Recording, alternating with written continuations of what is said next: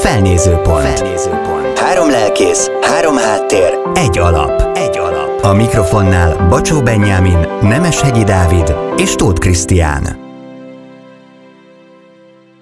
Nagy szeretettel köszöntünk mindenkit itt a Felnézőpont podcasten. Itt van velem Boros Dávid és Tóth Krisztián, és együtt beszélgetünk arról, hogy ez az egész helyzet hogyan befolyásolja a gyülekezeti elköteleződést. Vajon ez a digitális átállás segítette a gyülekezeteket, és az elérésből lett elköteleződés, vagy inkább ez a folyamat visszájára fordul, és arról fogunk beszélgetni, hogy mondjuk mit várunk attól, hogyha a következő hónapokban kinyit az imaház, akkor mi lesz az emberekkel. Krisztián, ti hogy látjátok, hogy az elérésből lesz elköteleződés? Tehát, hogy nő a gyülekezet, növekszik a gyülekezet, vagy inkább lemorzsolódással jár ez a digitális időszak? Vegyes az érzésem ezzel kapcsolatban, meg hát nem is szaladnék én ennyire előre, hogy akár a következő hetekben vagy hónapokban kinyitna a gyülekezet, bár szívemből szóltál Benyámin, hogy készüljünk erre, és egyébként mi, mi se tesszük másképp Budaörsön, tehát épp a hét elején volt egy vezetői találkozunk, megbeszélésünk, ugye most hétfővel azért voltak változások az országunkban, főleg nyilván vidéken, vagy Pest megyén kívül. És szóval kettős érzésem van, gondolatom van. Egyrészt szerintem releváns felkészülni a gyülekezetek vezetői csapatának arra, hogy mi lesz, ha visszatér korábbi helyzet, vagy enyhítések várhatók. Másrészt azért jó dolog a kivárás, a józanság. Úgy érzékelem az egyházunk vezetése is ez utóbbi mellett van, hogy, hogy azért most kivár, hogy azért most még nem bátorít egyáltalán semmilyen nyílt formában így az összegyülekezésre. Úgyhogy hát ez nekem még egy kérdőjel, hogy mi lesz azután, de én azt gondolom, hogy hoz majd változásokat. Röviden szerintem több fórumunk, alkalmunk lesz ugye általában gyülekezetekben online. Tehát például vezetői alkalmak is, ezen, ezen beszélgettünk pont hétfőn, hogy lehet mondjuk egyik alkalommal élőben, másik majd online, és szerintem azért a kis csoportjaink, akár az ima, akár házi csoportok is, szerintem nyomot fog hagyni a kis csoportjainkon is a e, mostani járványhelyzet. Úgyhogy így bevezetőképpen ennyit tudok hozzászólni, aztán én is kíváncsi vagyok, hogy nálatok hogy megy. Dávid? Köszönöm a megszólítást. Azt említettem, azt hiszem korábbi beszélgetésünkben, hogy itt a József utcában egy meglehetősen statikus gyülekezet van jelen, és ennek nagyon sok hátránya is van, de nagyon sok előnye is van. Azt gondolom, hogy ilyen értelemben a, közösség megtartásával talán nem lesz akkora gond. Az a tapasztalatom én is, hogy a jelen időből indulok ki, hogy meglehetősen aktív a gyülekezet az interaktív online istentiszteleteken, az élő közvetítésekben való bejelentkezéseknél. Itt anyák napja nagyon is megindította a testvéreket mindenféle produktumok elkészítésére, szolgálatok rögzítésére, úgyhogy kimondottan gazdag alkalmaink vannak, és azt tapasztalom, hogy az ilyen zoomos házi csoport beszélgetések, mindenféle egyéb előjáróik, tehát egy, egy aktivitásban tartják a meglévő közösséget. Telefonhívások sokasága, e-mailek átszövik valahogy ezt a hálót, és, és úgy gondolom, hogy meg van a gyülekezet, és vissza fog térni.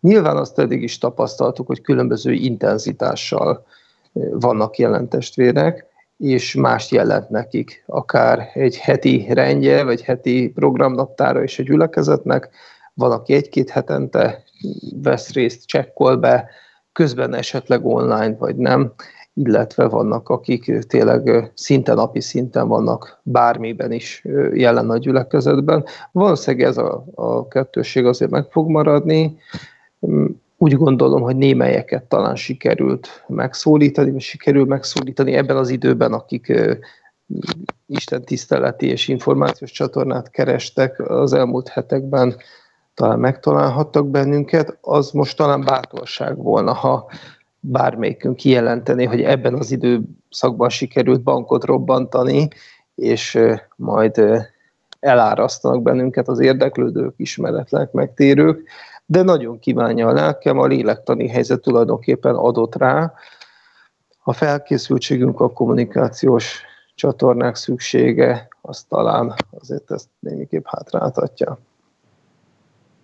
Nekünk az a tapasztalatunk, hogy így egyre többen benéznek a online alkalmakba.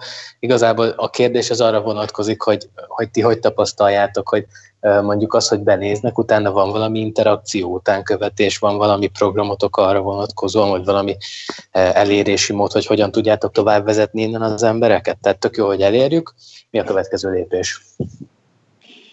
Mi sokat gondolkodunk azon, hogy járvány idején hogy mehetne a misszió, és talán majd egy következő podcastbe tudunk erről beszélgetni célzottabban is. Mi arra jutunk, hogy hát jó lenne akár egy ilyen online alfát elindítani, tehát keresőknek, vagy még kívülállóknak, vagy a gyülekezet perifériáján létezőknek, mert hogy azt tapasztaljuk, hogy az élő közvetítéseinket is YouTube csatornán elég sokan, tehát hogy többen is követik, meg visszanézik, mint mondjuk egy átlag vasárnap. Ugye a gyülekezeti tagok nagy része, aki elérhető vagy aktív, le van fedve az umos kis csoportokban, meg a, az ima, heti ima estén vagy estéken. Úgyhogy hát most nekünk ez a kérdés, kihívás már egy ideje, hogy a korábban ugye élőben megvalósulható missziós alkalmak hogyan vihetők föl az online térbe. Nálunk is, ugye az online alkalmakon sokan feltűnnek névvel, rövidített nevecskével, vagy éppen név nélkül. Némelyeket ismerhetünk, és erre tenném a legnagyobb hangsúlyt, hiszen a többieket nehéz elérni, ismeretlenségből megszólítani, talán lehetséges esetleg bemutatkozásra vagy kontaktusra kérni őket, de én ennél a rétegnél maradnék leginkább, amúgy is a gyülekezetünknek úgy a missziós felfogása talán ehhez áll a legközelebb, hogy akik itt vannak a közelünkben, talán ismerjük őket, látjuk, hogy egyfajta kapcsolatban voltak, vannak a gyülekezettel offline, online üzemmódban egyaránt, hogy őket keressük, nyilván a tagságot is próbáljuk összefogni, de van egy kimondott ilyen célunk, hogy akikkel egy lazább, érdeklődős kapcsolatunk volt, őket keressük ebben az időszakban, tehát akik kicsit a, a félúton vannak, vagy azt is mondhatnám, hogy pozitív értelemben közelebb a senki földjén, hogy, hogy őket megszólítani, ezt teszem napi szinten is, kevésbé az internet világában, inkább telefonos jelleggel, hogy hogy vannak, hogy alakult az életük, milyen örömeik, bánatai, kihívásaik vannak. Azt tapasztaltam, hogy örömmel fogadják ezeket a megkereséseket, és számomra talán most ebben az időszakban ez a legjárhatóbb út, ez ilyen értelemben ilyen személyes lelki gondozás, megkeresés, megszólítás.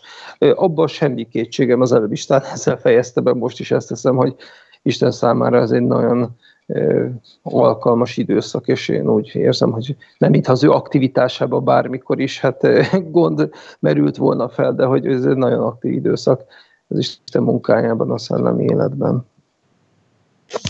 Meggyőződésem az, hogy Isten munkálkodik most is. Persze, most lehet, hogy ezt mi, mondjuk akik az online térben mozgunk, másképpen éljük, vagy másképpen látjuk, mint ahogy korábban, de azt gondolom, hogy ez így van. És azt is elmondhatjuk, hogy biztos, hogy van érdeklődés is a, az evangélium irányába, a Krisztus követés irányába. Engem azt foglalkoztat, hogy amikor visszatérünk, és mondjuk ezek az online alkalmak megszűnnek, vagy átalakulnak, az sem biztos, hogy meg kell szűnniük. Tehát hogy látjátok, hogy amikor feloldják ezeket a korlátozásokat, és egyáltalán visszaáll-e minden a régi kerékvágásba, vagy mi fog változni szerintetek? Az emberek ellustulnak, és nem akar imaházba járni, vagy inkább mindenki imaházba akar járni, tehát melyik, melyik a ti forgatókönyvetek a fejetekben? Említetted Benni az evangéliumot, vagy az örömhírhez való hozzáállást.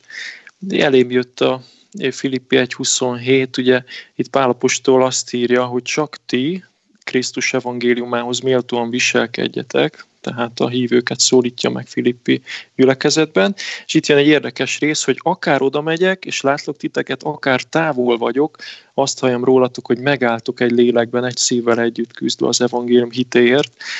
Tehát én azt gondolom, hogy nem egyedülálló a történelemben a távkapcsolat, akár pásztor és gyülekezet között, akár gyülekezeti tagok között, de ne felejtsük el, hogy lehet, hogy itt az elmúlt pár év ilyen boldog békeidő volt, de azért 20. század hozott sok fajta történetet az egyházban, és hát ugye, ha visszamegyünk, azért Pálapostól idejében, az első keresztények idejében se volt mindig az, hogy békésen együtt összejöhettek egy, egy helyre, sokszor kellett ezt akár más módon tenni, vagy pár se tudta látogatni a gyülekezeteket. Én azt gondolom, hogy aki valódi ö, módon ö, megszólított az evangélium által, tehát az életében egy változás történt, egy fordulat, Isten újjászülte őt, és ő elkezdett járni az Istennel, biztos vagyok benne, hogy, hogy, hogy kitart, megmarad, és ö, szerintem ö, lehet, hogy lesznek lemorzsolás, lemorzsolás, lemorzsolások gyülekezetben, ugye ez most a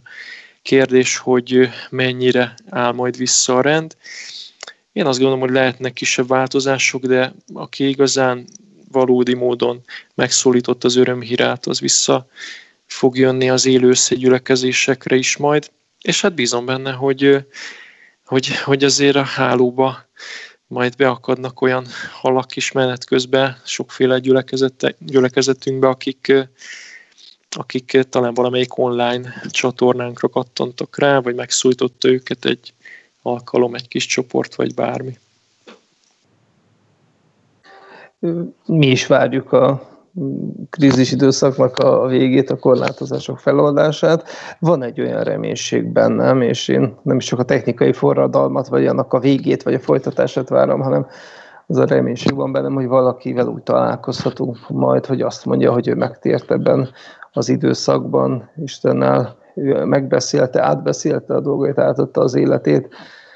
Nekem ez egy nagy reménységem sokaknál, és azt hiszem, hogy háttérben is lehet ehhez viszonyítva az én személyem, vagy a mi személyünk, vagy éppen a közösség sokszor. Azt hiszem, hogy egy picit talán túl becsültük, vagy túlzásba vittük a közösségnek az erejét, szerepét, és ez lehet, hogy furcsa, hogy ezt tizenéve gyakorló lelkipásztorként mondom. Mégis azt hiszem, hogy az imaház és a gyülekezet körüli élet az sokszor mind keret, mind forma, az ki tudta takarni a lényeget. Nagyon érdekes egy tájegységnek a, a fogalmazás módja, amikor onnan érkezik valaki, akkor azt mondja, hogy ez a bizonyos imaház a köszöntését küldi. Nyilván itt nem az épületre gondol, hanem a, a gyülekezetre, vagy hát azon belül is a testvériségre. Azt hiszem, hogy ez a fajta deformáció, ez nem csak nyelvi jellegű, és nyilván az elmúlt években is tapasztaltuk már az imaháznak, a gyülekezeti kultúrának a a visszaszorulását. A kérdés, hogy minek a javára, a világi eh, kultúra és közösségek javára, vagy pedig az Istennel való személyesebb kapcsolat és tartalom javára. Én az utóbbit is látom kibontakozni, nyilván azt is látom, hogy némelyeknél egy ilyen tér és eszközvesztés esete áll fenn, és nem nagyon tudják, hogy akkor most hova lett az, ami olyan szép és olyan jó és olyan ünnepélyes volt, de azt gondolom, hogy nem erre vezet az irány, hanem pontosan a személyes és a lelkiek felé. Úgy gondolom, hogy az időszak csak most fölgyorsította ezt a folyamatot, és gyakorlatilag azon áll, vagy bukik majd a dolog, hogy kinek-kinek milyen kapcsolata van az Úrral, az igével, milyen belső lelki szellemi élete van, és azt hiszem, hogy ez mérlegre kerül mindenképpen.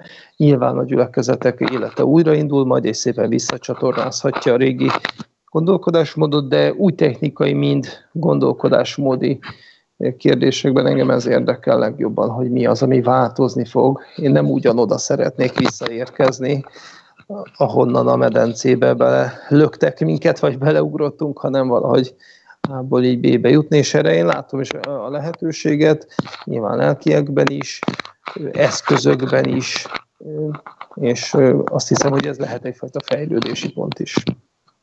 Uh-huh.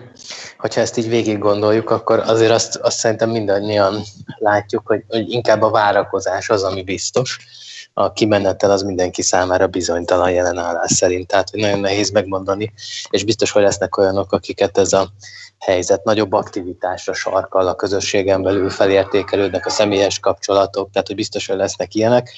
És én azt is gondolom, hogy biztos, hogy lesznek olyanok is, akik ebben az online világban elkényelmesednek, és nem fognak olyan aktivitással belevetődni a személyes gyülekezeti kapcsolatokba.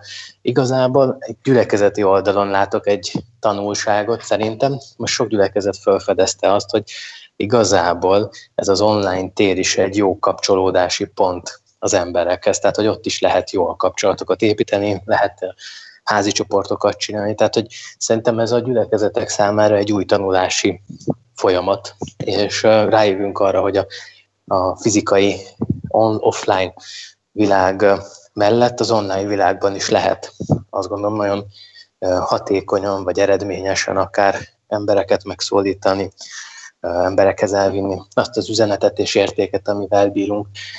Szóval én, én azt várom, hogyha itt szembenézek a valósággal, hogy azért ennek kettős hozadéka lesz.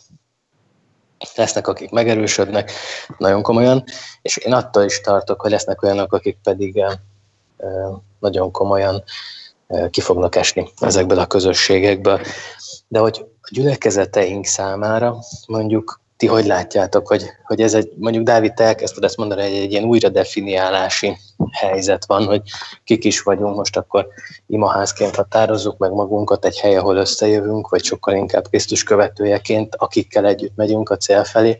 Hogy látjátok, hogy ez egy identitásválság, vagy inkább egy ilyen megerősödése az identitásnak, hogy kik vagyunk? Kezd most nyugodtan, Dávid, én közben egy-két igét keresek, ami megihletett, most Benyámin szavaira. Én mindenképpen a lehetőséget látom, ez valószínűleg természet és temperamentum kérdése is, de én valójában úgy látom, hogy ahogy az élet minden krízise, hogy ezt a két lehetőséget ugye magában hordozza, vagy egyfajta elbukás, és begyengülés, vagy egy újraértelmeződés. Talán korábbi beszélgetésekben említettem, hogy ezt a folyamatot már régebb óta érzem, és itt a belvárosi közegben tapasztalom is. Szerintem nagyon nagy segítséget kaptunk, nyilván nem egészségügyi vagy gazdasági értelemben, de, de közösség és lelkivezetés területén, hiszen ilyenkor rá van kényszerítve az egyén, és rá van kényszerítve a közösség, a vezetők is arra, hogy, hogy ahogy mondtad is, hogy újra definiálják ő magukat, és, és kizökkenjenek azokból a programokból, keretekből egy időre, amikben voltak, azt hiszem, hogy a mi baptista közösségünk nagyon is határozott keretek között mozgott, és, és ennek fontos része volt mindaz, amit most elvettek tőlünk, az épület, a programok, az istentisztelet, az események, az ünnepek, az ünnepélyek, az énekzene világa, és nagyon sok minden más. Azt hiszem, hogy most egy kicsit meziklábasodva, és helyén való ez a kifejezés, újra definiálhatjuk magunkat. Egyszerű a kérdés, te és Isten lelki kapcsolatban, megtérésben, lelki életben, növekedésben hogy állsz. Én azt hiszem, hogy ezt a kérdést az arcunkba nyomja ez az időszak, és ez vezethet önkritikára, személyesen is megtérésre, megújulásra, egy csomó hiánypótlást, amit tud adni a gyülekezet, a közösség, azt most nem kapunk meg, hanem, hanem ezeket a válaszokat kell keresnünk. A gyülekezetnek is azt gondolom, hogy nagyon jó lehetőség ez arra, hogy megkérdezze, hogy az eddigi rutinszerűen működő programokból, alkalmakból mi az, amit mindenképpen folytatunk kell, mik azok a, a szervezeti, akár technikai változtatások, amikbe bele kellett mennünk, és amik egy részét talán megtartjuk, a gondolkodásmódunkban, a, a lényegről alkotott képünkben mi az, amiről kiderült, hogy hát ez abszolút perifériára is tud kerülni, és az Istennek az üzenet, az evangélium, az pedig sértetlenül megy, mehet és élhet tovább. Nekem ez a reménységem. Reménységem nekem is ez, és ma reggeli csendességemből ez jött elém, a zsidókhoz írt levél tizedik fejezet, itt a hármas vers, hogy ragaszkodjunk a reménység hitvallásához tántoríthatatlanul, mert hű az, aki ígéretet tett. Legyen gondunk arra, hogy egymást buzdítsuk a szeretetre és a jó cselekedetekre. Ugye ezt most leginkább virtuálisan tudjuk megtenni. Aztán így ír, hogy nem hagyva el összejöveteleinket, ahogyan szokásuk némelyeknek. Na most ez egy nehéz kérdés, mert ugye most kényszerűség okán legtöbben elhagytuk az összejöveteleinket, vagy hát a gyülekezeteinket. Az a kérdés tehát, hogyha visszarendeződik szép lassan a helyzet, akkor ez mennyire fog lemosódást okozni. De hát ahogy említettük, tényleg a valódi hívők, én is abban hiszek, hogy visszajönnek, és hát a, ezzel zárul a tizedik fejezet, egy nagyon bátorító rész, hogy ne dobjátok el hát bizalmatokat, amelynek nagy jutalma van, mert békességes tűrésre van szükségetek, hogy Isten akaratát cselekedve el, elnyerjétek az ígéretet. E, hát igen, erre van szükségünk, hogy reménykedjünk, tűrjünk, kitartsunk ebben az időszakban, és bízunk benne, hogy amikor majd visszarendeződik a történet, akkor, akkor áldás lesz az egyháznak. Én alapvetően azt gondolom, hogy, hogy, hogy nem a formáktól kell reméljük a, az egyház vagy a gyülekezetek előre menetelét, hanem hogyha hűségesek vagyunk a tartalom hirdetésében, ami az evangélium, akkor ehhez lényegében formák az, az, az mindegy, bár jól is hozzá lehet állni, megfigyelni a trendeket, meg hogy mi, mi most az aktuális technikai eh, vívmány, vagy mi az, ami segítheti a missziót. De alapvetően én nem, nem gondolkodom ilyen nagy eh, formai, eh, hát ilyen misztikus dolgokba, hogy úgy ezek, ezek vinnék előre majd az egyházat, hanem hogyha hűségesen kitartunk a, az egyetlen drága kincsünk az evangélium hirdetésében, megfelelő módokon, keretekben, akkor biztos vagyok benne, hogy az Isten ad majd jövőt, növekedést. Ez a helyzet, én azt gondolom, hogy sok mindenben gondolkodásra hív bennünket, identitás, eszközök, elérés, de talán a leginkább abban vagyunk mindannyian érdekeltek, hogy akiket elérünk, azokat tanítványát tegyük, vagy a, így a lelki érettségben előrébb juttassuk. Bennem az van, hogy gyülekezetként ez egy nagyon fontos cél, hogy a lelki érettséget eh, munkáljuk a testvéreinkben, akik a gyülekezetben vannak. És most ez az online térben, mint hogyha inkább ilyen fogyasztásba ment volna át, ahol ilyen érdeklődés számba mennek emberek egyik közösségből a másikba, benéznek egyik közvetítésből a másikba. Ti hogyan látjátok, hogy ez a fajta ilyen kölcsönös érdeklődés egymás iránt, ez, ez lelki érettséget erősít, vagy előre se elősegít, vagy inkább ez egy ilyen kíváncsiság és érdeklődés, és ez, ez egy ilyen felszínes nézegetése marad pusztán annak, hogy máshol mi van, és valójában nem tesz hozzá ahhoz, amik, amik hívő emberekként vagyunk. Mert nekem, mintha ez lenne a benyomásom, hogy most mindenki nézeget mindenhová, de talán ez a lelki érettségre nem biztos, hogy olyan mélységgel hat, mint ahogy reméljük, vagy szeretnénk. Úgy látom, hogy nagyon sok gyülekezet igyekszik arra, vagy közösség, vagy szervezet, hogy tartalmas lelki és színvonalas programot is adjon, sugározzon. Biztos, hogy a világ azért alapvetően a, a befogadásra, és kevésbé a hozzáadásra, bekapcsolódásra alkalmas.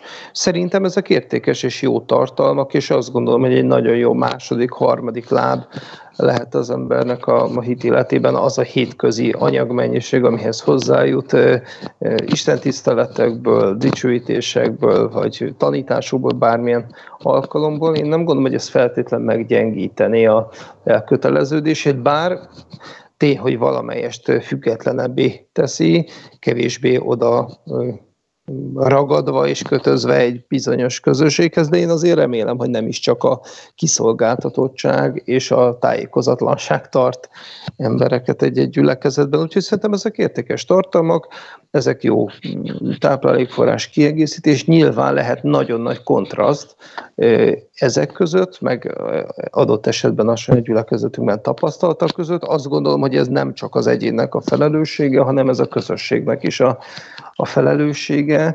Nyilván ezt, mondva ezt úgy, hogy itt a belvárosi körúton azt tapasztalom, hogy minden villamos megállóra három gyülekezet jut, tehát ezt a fajta szellemi szabad versenyt, ahogy nagyon rútul szoktam hívni, ezt mi régóta tapasztaljuk, és, és azt gondolom, ez nagyon éles tükröt tart elénk, és önkritikára, önvizsgálatra indít.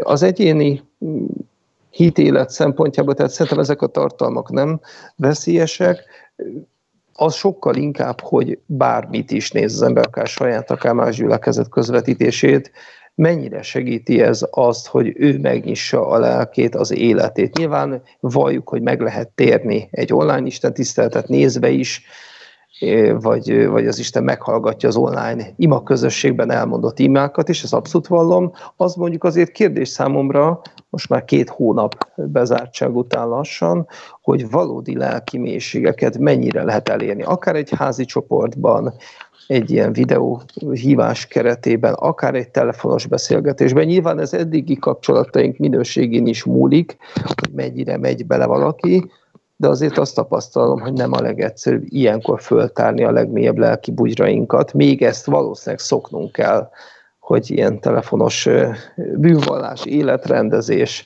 vagy olyan mély gondolatok átjöjjenek akár még egy házi csoportban is. Tehát én, én inkább ezt a fajta nem csak zártságot látom veszélynek, hanem azt, ahogy az egyén hátradől, és, és csak fogyaszt akár saját terméket, akár más gyülekezetnek a, a, a szolgálatait, hogy alapvetően nézővé válik befogadóvá, és aztán, akkor vége a műsornak, akkor átklikkel egy másik csatornára, ahol éppen most kezdődik, ugye ez túl ismerős volna.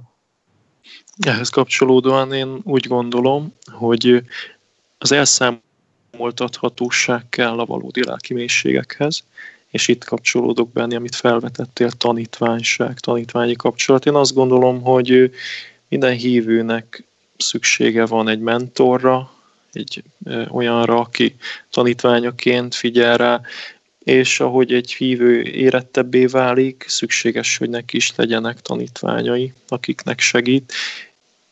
Egyetértek, hogy ez akár még egy kisebb 5-8 fős kis csoportba sem megy könnyen, vagy hát nem is nagyon valósul meg.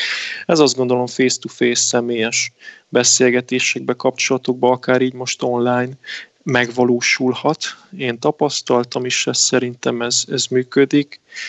Egy, egy idősebb, vagy egykorú férfi egy másikkal, egy, egy testvérnő egy másik testvérnővel. Szerintem ez egy biblikus modell, gondoljunk csak a 2 Timóteus 2.2-re, ugye Pál írja Timóteusnak, hogy a drága kincset, az evangéliumot ad tovább olyan ö, embereknek, olyan élethívőknek, akik mások tanítására is képesek lesznek, és itt igazából egy gyönyörű láncolat van, tehát, hogy Pál azt mondja, hogy én is kaptam, ugye Jézus megszólította őt, ő továbbadta Timóteusnak, és hogy Timóteus keressen Timóteus is keressen majd olyanokat, akik majd másoknak is tovább tudják adni, és tudják őket mentorálni, pásztorolni, bátorítani.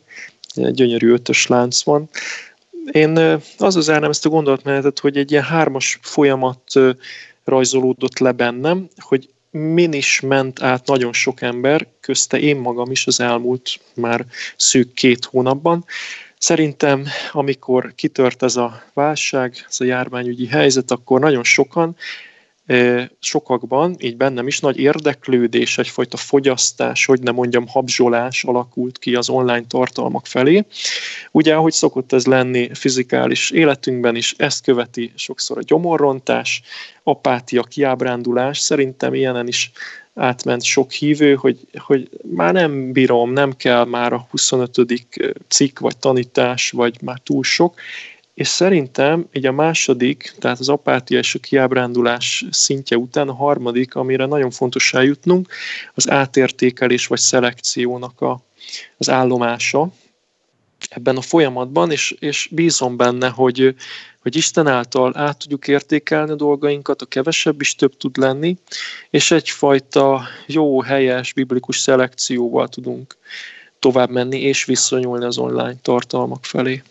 Azt vettem észre, hogy felerősödik az a feladatunk, amit ilyen őrállói szerepként szoktak klasszikusan definiálni, hogy ha, mondjuk a habzsolásra gondolunk, vagy az, hogy sok minden elérhető, ez sokféle zavart is okoz az emberekben, és miközben mondjuk mi abból indulunk ki, hogy pozitív hatással szeretnénk lenni a társadalomra, meg az emberekre, akiket elérünk, a közben azért én látom azt, hogy nagyon sok butaság is terjed a online térben, és nyilván erre nekünk érdemes fölhívni a figyelmünket, és itt a butaság alatt szó szerint olyat értek, ami, ami nem teológiai álláspontunkkal tól különböző, hanem hogy, hogy tényleg, hogyha az ember végig gondolja, akkor ez, ez, ez, ez tényleg valamiféle zsákutca, vagy ilyen, hát nem tudom, tehát nem tudom jobb szóval kifejezni ezt. És azt vettem észre, hogy, hogy még sokan hívő emberek is ezt így beveszik, vagy beemelik így a saját gondolatrendszerükbe, mert a képi világgal tekintve nagyon jól át van adva egy-egy ilyen üzenet, mondjuk így. És, Tudsz, és ebből vagy szem... akarsz esetleg konkrétumot Benni mondani, vagy csak így általánosságba hozod ezt, hogy érdemes most, odafigyelni? Most inkább így általánosságban maradnék hmm. ezen, a, ezen a szinten, mert észrevettem azt, hogy némelyeket megzavar ez a fajta helyzet, hogy minden elérhető, és mindenki Aha. elérhető, és mindenre rá lehet kattintani, és be, bejönnek olyan beszivárognak olyan gondolatok a, a hívő emberek életébe, ami nem a lelki érettséget segíti, hanem mint hogyha egy ilyen betegségként inkább ilyen sorvadást jelentene az emberek hitében. Nem tudom, hogy ti tapasztaljátok ezt. Ezek szerint nem. Ti nem tapasztaljátok ezt a, ezt a fajta helyzetet. Na, De hogy nem, szerintem ez egy... Magam is látom azt, hogy egy-egy nagyon érdekes fizetett hirdetés jelenik meg, és, és ilyen amúgy föl nem fedezhető, meg nem található tanítók, közösségek igyekeznek nagy hatást gyakorolni, online úrvacsorát tolva a közösségi médiában, stb. Lehet, hogy hasonlókat láttatok ti is. Azt gondolom, hogy ezek eddig is megvoltak, tényleg a legszélsőségesebb összeesküvés elméletekig és radikális nézőpontokig keresztény és nem keresztény köntösben egyaránt. Annyi veszély lehet, hogy most nagyobb a keresés, a kutatás bennünk, és több idő lehetőség van arra, hogy ezekre rátaláljunk, ezek, ezeknek odaadjuk magunkat, ha csak egy pár percre is, illetve azt is gondolom, hogy ezek a, a szélsőségesebb eszmék, akár nem létező közösségek, vagy, vagy még teológiai értelemben is hát elhajló tanítások most nagyon igyekeznek, hogy bázist építsenek. Abszolút egyetértek, hogy fontos az óvatosság. Benne most az van, hogy a végéhez közeledve én szívesen imádkoznék, akár értünk a hallgatókért majd, mielőtt elbúcsúzunk, hogy Isten őrizze meg a mi gondolatainkat és szívünket az igének az ígérete szerint. De ha még van bármi gondolat, téma, vagy Benyámin készültél kérdéssel, akkor még legyen lehetőség. Szerintem, szerintem így át, átnéztük ezeket a legfontosabb kérdéseket. Én annyit szeret, beszéimádkozzunk, és ez szerintem nagyon jó is lenne, hogy a következő adásokhoz kapcsolódóan, akik esetleg most így hallgatnak bennünket, azt szeretnénk felajánlani azt a lehetőséget, hogyha van olyan kérdés, észrevétel, ami hasznos lehet a mi számunkra, akkor azt érdemes elküldeni az igeidők magazinnak, vagy akár személyesen nekünk Facebookon megtaláltok bennünket, és akkor megpróbálunk ezekre a kérdésekre a következő adásban válaszolni. Talán ez, és aztán elbúcsúzunk, hogy a Krisztián imádsága után akkor tudjunk egy ámment mondani, és akkor így lezárni ezt a mai adást. Krisztián, akkor kérlek, hogy röviden imádkozz.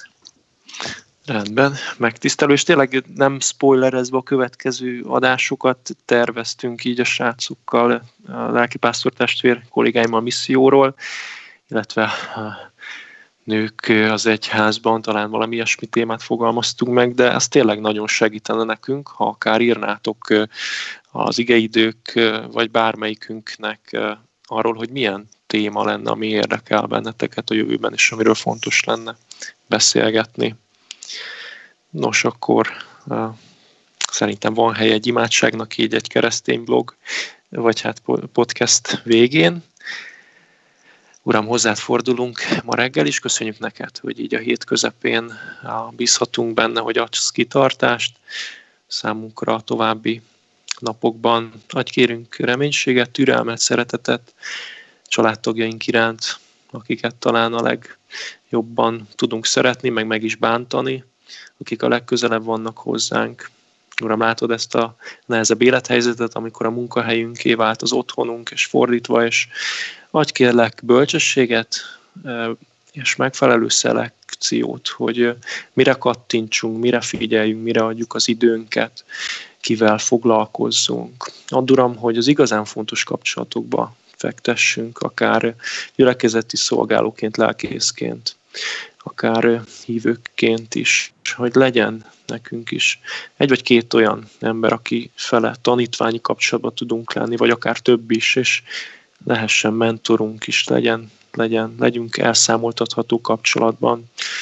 Köszönjük neked, hogy fontos neked a, a te néped, és bízunk benne, hogy a megfelelő időben újra összehozod a közösségeinkben az összegyülekezést fizikális módon is, de amíg ez még nem valóságot, hogy tudjuk gyakorolni a kapcsolatot és a közösséget így online módon is.